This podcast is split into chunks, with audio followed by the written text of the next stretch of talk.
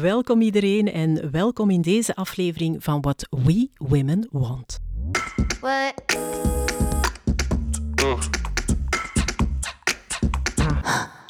What We Women Want. Vandaag wil ik jullie heel graag meer vertellen over de motivatie om deze podcast te starten. Ongeveer zo'n tien jaar geleden liep ik al met het idee rond om iets rond vrouwenrechten te doen. Rondom mij zag ik toch, en ik zat toen helemaal niet in de bedrijfswereld, dat vrouwen het nog altijd bijzonder moeilijk hebben om snel, efficiënt en vooral gelijkwaardig aan mannen hogerop te geraken in het leven. De laatste tien jaar is daar natuurlijk met de rise van de millennials heel veel verandering in gekomen en zijn bedrijven en patriarchale structuren anders gaan denken en zich anders gaan organiseren. Maar als ik nu rondom mij kijk, dan zie ik eigenlijk drie grote groepen vrouwen. Eerst en vooral de wereld waarin jonge, intelligente vrouwen worden uitgelachen omdat ze te idealistisch zijn, niet passen in het oude plaatje, weinig of geen realiteitszin hebben of ervaring. Denk maar aan Greta Thunberg of dichter bij huis Anuna de Wever. En dan heb ik het helemaal niet over de boodschap die ze brengen. Dat laat ik eh, nu eventjes in het midden, dat zal voor een andere keer zijn. Maar toch, dat is een heel belangrijke opkomende groep jonge vrouwen. Anderzijds is er ook een strekking van zeer succesvolle vrouwelijke ondernemers die de 40 gepasseerd zijn en die nu ook vinden dat hun tijd gekomen is. Ze hebben alles gedaan volgens het boekje. Ze hebben heel vaak moeilijkheden tegengekomen, problemen tegengekomen, maar ze zijn er toch geraakt. Ze hebben dingen bereikt en ze zien ook wel dat er nog heel wat dingen mogelijk zijn en voor hen staan. Dus ook voor hen is het nu tijd om daar iets mee te doen. En hens, ik behoor eigenlijk ook tot die groep. En daarnaast is er dan nog een derde groep. Uiteraard succesvolle jonge onderneemsters, 20, 30 jaar, die waanzinnig veel succes hebben, bedrijven uit de grond stampen, van zich laten horen, en dat is ook wat ze moeten doen, hè, zichtbaar zijn en zichzelf in de kijker zetten, zonder schroom. En deze groep heeft dankzij die tweede groep de kans gekregen om nu al op zeer jonge leeftijd succesvol te zijn, nog voor ze de kaap van de 40 gepasseerd zijn. Ik besef heel goed dat al deze groepen enkel bestaan in onze westerse cultuur. Want in grote delen van de wereld zijn vrouwen nog altijd totaal onzichtbaar. Maar daarover wil ik graag een andere keer verder uitweiden. Dus hoewel die groepen natuurlijk allemaal uit vrouwen bestaan, zie ik toch nog altijd interne tegenwerkende krachten. Elkaar niet begrijpen, soms ook het elkaar niet gunnen. Eén anekdote daarover wil ik jullie uh, toch wel vertellen. En dat uh, is me persoonlijk overkomen. Ik was niet het slachtoffer, maar ik was wel een bystander. En ik moet eerlijk zeggen dat ik op dat moment uh, heel erg verontwaardigd was toen dat, dat gebeurde. Ik was op een conferentie waar een eh, succesvolle onderneemster die al wat ouder is, recht in het gezicht van een jonge onderneemster, iemand tussen de 20 en 25 jaar eigenlijk zei, dat haar tijd gekomen was en dat die jongeren maar moesten wachten en dat die niks te zeggen hadden. Dus dat is eigenlijk even erg en even verkeerd als al die vooroordelen waar vrouwen onder gebukt gaan, die hen opgelegd worden door mannen. En ik had er ook onlangs nog een kort gesprek over met Inge van Bellen. Zij is co-founder van Herculean Alliance en binnenkort ook de gast hier in de podcast. En ik mag haar toch een vriendin noemen, denk ik. En we hadden het erover en we stonden zelf eigenlijk versteld van het feit dat er toch nog heel veel vrouwen zijn die het elkaar niet gunnen. En voor wie denkt dat het alleen maar de oude grijze mannen zijn die ons niet zien staan, dat is helemaal niet zo. Maar over dat niet gunnen gaan we het op een uh, later tijdstip nog wel hebben. Dus als je denkt dat alleen maar mannen nu niet zien staan, dat is helemaal niet zo. Want er zijn heel veel mannen die heel positief veranderd zijn die het een natuurlijke evolutie vinden om ons nu op een gelijkwaardige manier te behandelen. Maar voor sommigen zijn we nog altijd een bedreiging en dat zal altijd wel zo blijven. Maar ik zie toch wel hoe langer hoe meer mannen in mijn omgeving die eigenlijk feministisch zijn. Ik kan alleen maar hopen dat die evolutie zich verder zal zetten en dat we over enkele generaties, ja, want dit soort dingen gaat heel traag, niet meer moeten spreken over een ongelijke schaal. Het is niet zo dat enkel Barack Obama een feminist is. Daar heeft Michelle Obama heel veel geluk mee. Maar er zijn ook heel veel mannen bij ons die dat zijn. Mannen die vrouwen de schijnwerpers wel gunnen, luisteren naar wat ze te vertellen hebben en eigenlijk de vrouwen ook een eigen koers laten varen. En dat is iets om te koesteren, te gebruiken en om zo verder te geraken. Maar geloof me, het was niet altijd zo. We komen van ver en ik wil zelf ook eventjes terug in de tijd gaan. Als we doorheen de geschiedenis kijken, waren vrouwen echt niet voorbestemd om die rol te spelen die ze nu spelen. Hè. Die bevrijding die is er pas gekomen in de Victoriaanse tijd. En nu wil ik even een side note maken. Als je fan bent van Bridgerton, dat is de Regency-tijd, dat is de tijd die voorafgaat aan de Victoriaanse tijd, daar zie je het heel duidelijk. Dat is een tijd waar vrouwen eigenlijk zelfs totaal geen seksuele opvoeding kregen. Dus niet wisten wat er eigenlijk allemaal in de wereld gebeurde. Ze werden eigenlijk thuis gehouden, kort gehouden. Ze mochten wel wat lezen, ze mochten met vriendinnen praten, naar feestjes gaan, maar ze werden eigenlijk gebruikt om kinderen te baren. Dan komt die Victoriaanse tijd. Dat is een tijd van bevrijding. Want dan is de middenklasse ontstaan. En het is vanuit die middenklasse dat alle veranderingen gekomen zijn waar vrouwen nu inderdaad, zo'n 150 tot 200 jaar later, en ik weet, het gaat echt heel traag de vruchten van kunnen plukken of zelfs al geplukt hebben. De bevrijding van het corset rond het einde van de 19e eeuw ja, die is zelfs één van die grote motoren van die beweging. Van mooie kastplantjes, die maar zelden getoond werden, ook liever niet te veel buiten mochten komen, nu plots naar de universiteit zouden gaan, zouden sporten en zouden studeren. Oh wee, de mannen stonden op hun achterpoten. Eerste sporthallen werden gebouwd, waar ook vrouwen mochten sporten, zoals bijvoorbeeld in de Verenigde Staten aan Radcliffe College.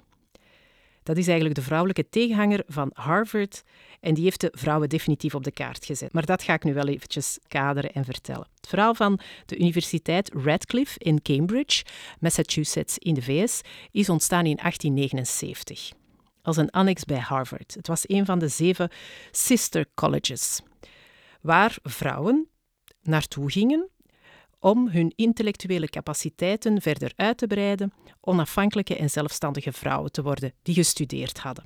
Het college zelf, Radcliffe College, heeft bestaan tot in 1999 en dan is het opgegaan, volledig opgegaan in Harvard. Maar vrouwen aan de universiteit, dat was dus iets heel erg uitzonderlijk. En dat hebben we eigenlijk te danken aan Arthur Gilman. Hij woonde in Cambridge, was bankier, filantroop schrijver en had een dochter. En hij wilde dat die dochter opleiding zou genieten. Meer opleiding dan in wat er toen aan vrouwelijke seminaries bestond, vrouwelijke colleges zoals Vassar en Wellesley. Dus hij gaat in gesprek met de board van Harvard en wil dat de jonge vrouw onderwijs kan genieten. Het duurt heel lang, die onderhandelingen zijn heel lang, want eigenlijk willen ze dat totaal niet. Hè. Om het te, te zeggen in de woorden van Charles Eliot, hij was de president van Harvard. The world knows next to nothing about the capabilities of the female sex. Only after generations of civil freedom and social equality will it be possible to obtain the data necessary for an adequate discussion of a woman's natural tendencies, tastes, and capabilities. It is not the business of the university to decide this mooted point. Wat dus eigenlijk erop neerkomt dat de universiteit geen enkel standpunt wil nemen over of het wel goed is en gunstig is voor jonge vrouwen om onderwijs te genieten. Nu, uiteindelijk, na veel vijven en zessen, zoals wij dat zeggen, vinden ze 44 hoogleraars die, mits ze extra betaald worden, hoe erg is dit, les willen geven aan die jonge vrouwen. En ze krijgen uiteindelijk dezelfde lessen die op Harvard gegeven worden, namelijk Grieks en Latijn en Engels en Duits en Frans en Italiaans en Spaans, filosofie, politieke economie, geschiedenis, muziek, wetenschappen en wiskunde. En dus ook bijvoorbeeld sport, want dat was toch ook een belangrijk onderdeel van de opleiding. En toen is eigenlijk alles veranderd. Want ja, die vrouwen mochten beginnen studeren en zelfs beginnen sporten. En dat was toch geen evidentie rond die tijd, hè? 1890 spreken we. Want ja, de vraag werd gesteld of dat vrouwen wel aan sport en opleiding mochten doen, omdat dan misschien hun voortplantingsorganen zich minder zouden ontwikkelen. Hold your horses. Het is een bijna ongeloofwaardig verhaal, maar het is waar. Er waren toen heel wat vragen. Wat gaat het met de vrouwen doen hè, als ze verder studeren en naar de universiteit gaan? Gaat dat slecht zijn voor hun gezondheid. Toen was er natuurlijk veel minder info over het menselijke lichaam, maar de wetenschappers in die tijd die gingen ervan uit dat het lichaam een gesloten systeemcircuit was. Dus als vrouwen hun hersenen zouden gebruiken, dan zou het bloed naar daar stromen en niet gebruikt worden voor hun voortplantingsorganen. En in die tijd was ras, geloof het of niet, ook heel erg belangrijk. Want als alle blanke vrouwen zouden stoppen met kinderen krijgen, dan zou het ras uitsterven. Ondertussen weten we wel beter. Nu, voor al diegenen onder jullie die dat interessant vinden en daar meer over willen weten, kan ik alleen maar uitnodigen om meer opzoekingswerk te doen voor eh, Dr. Edward Hammond Clark. Hij schreef een argument in Sex in Education or a Fair Chance for Girls en daarin stelt hij in één zin: Education prevents female reproductive organs from developing properly. Dus dat wil zeggen dat als je een opleiding geniet, eigenlijk je voortplantingsorganen zich niet goed kunnen ontwikkelen. Hoe erg is dat niet? Maar uiteindelijk komt er ook daarin verandering. Dr. Dudley Allen Sargent gaat ervan uit dat het wel interessant is om zowel voor mannen als voor vrouwen fysieke trainingen te doen, dus eigenlijk te sporten, want dat dat goed is voor de gezondheid. En dus dat is het moment waarop de eerste dames ook mogen deelnemen aan sportactiviteiten in en aan de universiteit. Maar dan stelt zich de volgende vraag. Als je nadenkt natuurlijk over de Victoriaanse tijd, dan weet je waarschijnlijk dat die vrouwen allemaal in een corset rondliepen, met blouses, met pofmouwen, hoge kragen, lange jurken, verschillende lagen. En dat dat uiteraard zich niet leent om dan zware fysieke inspanningen te doen of te sporten. Dus het eerste gymuniform werd dan ook ontwikkeld en dat zorgde voor een culturele revolutie bij die dames. Hè. Want ze gingen van corsetten naar lossere blouses en een soort van broek met Turkse pofpijpen. Een win-win, want enerzijds konden ze dus aan lichaamsbeweging doen, maar anderzijds werden ze niet onaantrekkelijk of onvrouwelijk. Want dat was ook heel erg belangrijk. Wat ze absoluut niet wilden, was dat ze de vrouwen hun vrouwelijkheid zouden verliezen. En de reden waarom dat, uh, die Dr. Sargent het toegestaan heeft om toch vrouwen te laten sporten, is omdat ze ervan overtuigd waren en werden dat fysieke inspanning goed is voor het lichaam en dus dat het ook goed was voor het ras, want dan zouden vrouwen gezonder zijn en zouden vrouwen ook betere, sterkere kinderen baren. En dus dat wilde ook zeggen dat het ras zou blijven voortbestaan. En dat is eigenlijk een tak die eugenics heet. Een uh, onderdeel van de wetenschap, een onderdeel uh, van alles wat met uh, rassenverbetering te maken heeft. Dus je kan je al wel voorstellen dat we dan in een tijdsgeest zitten waar wij zo'n ogen van opentrekken en waar wij eigenlijk niet weten van hoe dat we ermee moeten omgaan. Maar dat is uiteindelijk een natuurlijke evolutie geweest. We gaan dus van de angst voor de achteruitgang van het blanke ras door verminderde voortplanting, verlies van vrouwelijkheid, naar de situatie zoals we die nu kennen. Eentje waar vrouwen in theorie wel gelijk zijn aan mannen, maar in de praktijk nog altijd moeten ondervinden dat ze heel vaak aan het kortste eind trekken. Het is dan uiteindelijk pas na Wereldoorlog I dat de revolutie zich volledig inzet. Hè. De Roaring Twenties, hopelijk kennen wij die binnenkort ook, beginnen met de verzelfstandiging van vrouwen. Weg met het corset, welkom massacultuur, welkom consumptie. Vrouwen beginnen te roken, vrouwen beginnen te daten. Vrouwen zijn veel vrijer dan wanneer dan ook in de geschiedenis. En om een paar belangrijke data aan te halen, om jullie te tonen dat het toch wel heel belangrijk is om te begrijpen dat we uit een situatie komen waar het allemaal niet zo vanzelfsprekend was. Voor 1900, en het is uh, in 1900 exact in Parijs tijdens de Olympische Spelen, waren er geen vrouwelijke sporters. Op de 997 deelnemers aan de Olympische Spelen in Parijs in 1900 waren er 22 vrouwen.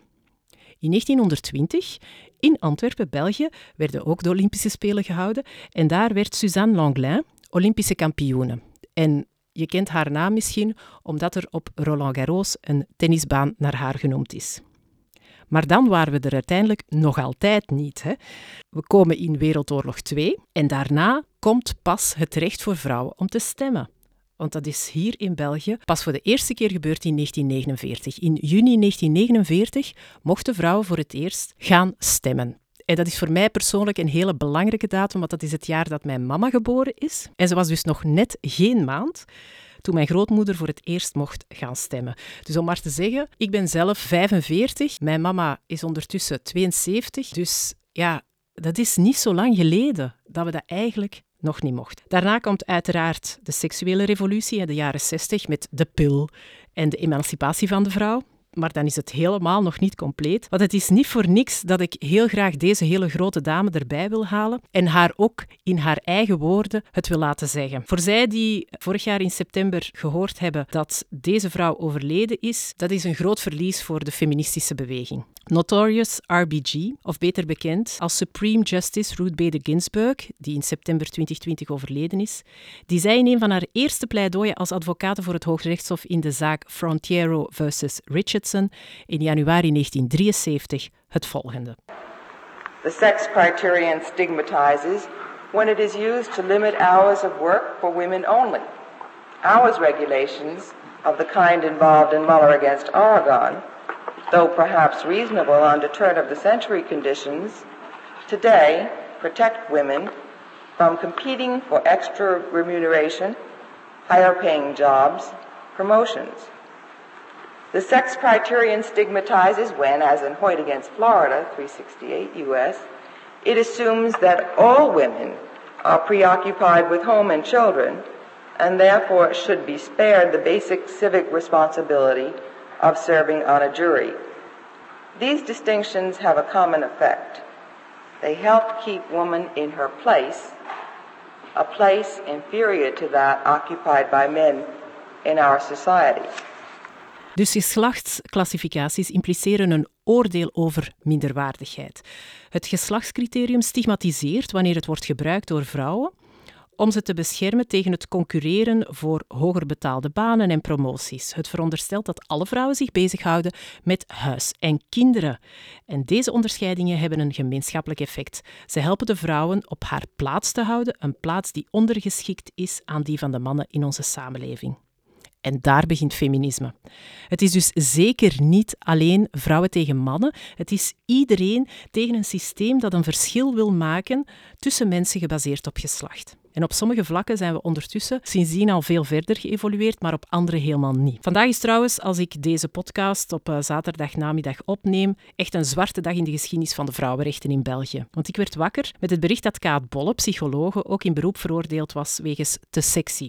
Dus in 2021 wordt een vrouw veroordeeld voor haar uitstraling. De commissie stelt dat ze zich ten alle tijde bewust moet zijn van haar profilering en waardigheid, zowel in de professionele als privésfeer.